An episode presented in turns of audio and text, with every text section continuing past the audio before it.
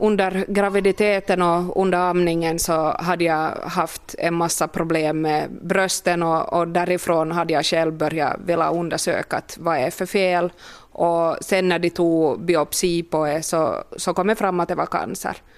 Och på den vägen har jag sen börjat snurr och det är en väldigt aggressiv och väldigt ovanlig sort. Det syns inte och kommer inte fram i några undersökningar som de har här i Vasa överhuvudtaget. Inte i mammografi och inte i magnetröntgen och inte i ultra, inte någonting. Så nu är vi, har vi på gång näst att vi ska till Tammerfors på PET-CT för att få fram exakt hur den är spridd och vad den är för det vet vi inte heller.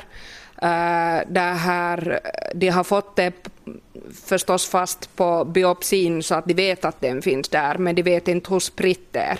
Så då börjar de, som de alltid börjar, så börjar de med, med cytostatika behandlingar för att få cancern att bli mindre för att kunna operera sen och sen så ska jag opereras eh, i Tammerfors här senast 7 i 7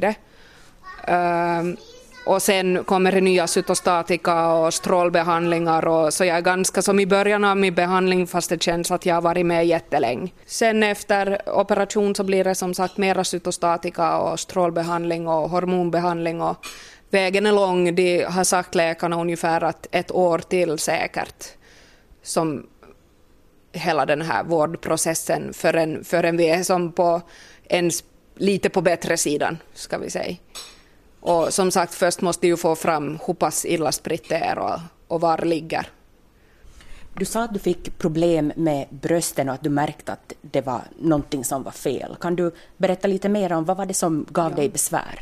Uh, när jag hade fått Thomas, först före jag fick Thomas så fick jag ytliga, synliga Eh, sårskorpor på, bröst, på brösten, alltså, eller på ett av bröstet som jag funderade vad är och de undersökte men de, de undersökte bara som att det var normal flora och så, och så undersökte inte något mer än så. Eh, sen när jag hade fått Thomas så fick jag 15 mjölkstockningar genast i ett streck. Så när han var sju månader så hade jag som haft bara mjölkstockningar hela tiden. Så det var egentligen det och till sist så började jag komma blod ur bröstet på samma gång som jag ammade honom. Så att, så att väldiga problem med amningen och det är egentligen på den vägen som jag sökt sen hjälp för att få undersökt vad det var som var fel på Och där tog de biopsin sen och ultra och det här på den vägen fick jag reda på sen från biopsin att, att jag hade cancer.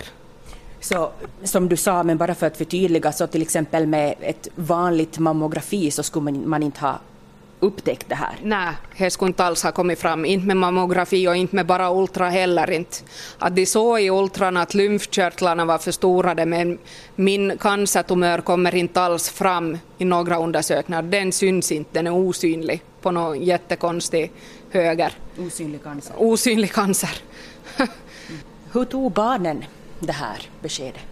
Det här, när vi var upp och ner och när vi var upprörda, då blev de upprörda och var upp och ner. Men vi har försökt vara så naturliga och så ärliga med dem som det bara är möjligt att vara. Vi hamnade till sätta oss ner med, med de här två äldsta barnen och berätta exakt vad som kan hända om worst case scenario händer. Vad händer då? Att allting ändå blir bra fastän mamma inte skulle finnas här pappa finns alltid kvar, allting lämnar kvar, huset finns kvar, de får bo kvar, allting är ändå okej, okay, men det ska inte hända att vi har ett helt läkarteam som är kring och vi kämpar och mamma, mamma ska bli frisk. Men om det skulle hända, vad händer då? Sen när de fick höra det Fast det känns säkert jättekonstigt att man kan säga en sån sak till sina barn så var det bara Packo. För de var så upp och ner och var så rädd och, och när inte de visste vad som kan hända och vad som händer då om det händer. Så, så för, för, från vår familj så var det enda möjligheten till att sätta sig ner med det och vara totalt rätt ut ärlig. Inte berättar man ju något mer än vad man måste men ändå sanningen. Så, och de har tagit jättebra. Sen, sen när, när vi hade fått berätta är färdigt och hade suttit ner med dem och pratat med dem och vi har sagt att de får fråga vad som helst och prata om vad som helst så har de varit lugna. Sen här så har inte varit något problem. Emellan kommer det frågor men, men för det mesta så, så har de bara en, tar det helt naturligt helt enkelt. Hur um, tog du själv emot det här beskedet som en ung kvinna? No, det var nog jättechockartat för de ringde hem och berättade åt mig per telefon. Så, så det här, det blev nog en total chock. Uh, och han processen till kom igenom han chocken tog ju sin tid. Det är ju ett sorgearbete att, att komma igenom det. Så det kanske skulle ha varit enklare om man skulle ha fått få till sjukhuset, sitta ner, lugn och ro, bara två vuxna och ta emot beskedet. Men de hade så bråttom när de skulle ringa och jag måste sluta am, för jag fullammade min tio månader gamla son. Eh, han var sju månader när det hände. Och, och det här, jag hade full amning på honom och måste sluta på samma dag och få hem piller för att få mjölken och slut och komma. Det var jätte, jättebråttom. De trodde att jag skulle bli opererad veckan efter, men fortsättningsvis är jag ju inte opererad för att det var en annan typ av farligare typ av bröstcancer än vad de trodde att det var från första början. Mm. Var du någon gång arg Eh, min tro på Gud har ju hjälpt mig att orka genom hela det här. Att, att vi tror hela familjen på Gud och det har hjälpt både barnen och har hjälpt hela familjen att vi har någon fast tro och tro på samtidigt.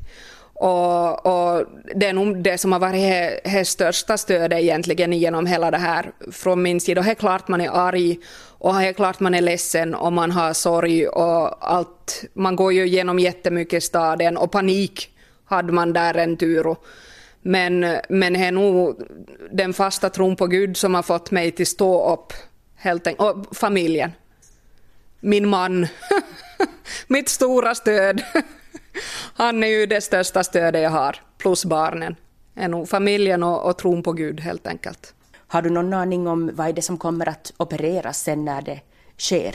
Jag har själv valt att jag vill ha opererat bort båda brösten för jag har känningar i båda brösten likadant som de har ju konstaterat att det finns i höger bröst.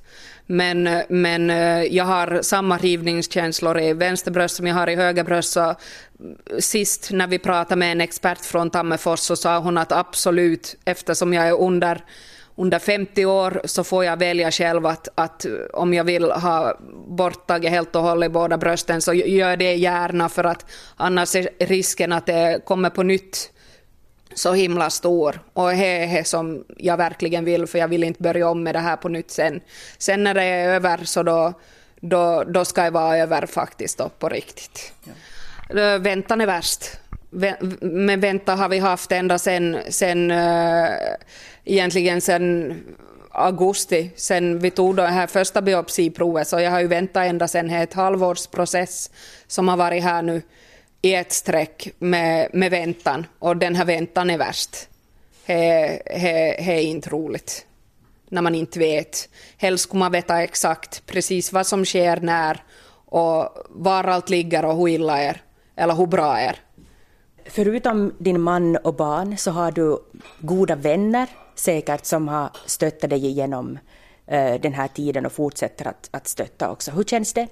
Ja, det känns helt underbart. Jag har ett sånt underbart nätverk med människor som ställer upp nu till höger och vänster för att vi ska klara oss ekonomiskt här under den här jättesvåra tiden. Men, men det här, jag har ett underbart nätverk. Jag har både systrarna mina som har, har, har lagat upp den här Facebook-sidan Sissis kamp och så har jag nu en underbar Eh, klass som ställer till ett sånt här jättejippo för att, ett, en välgörenhetsjippo för att, för att samla in pengar till vår familj och det är helt underbart. Det, oj, oj.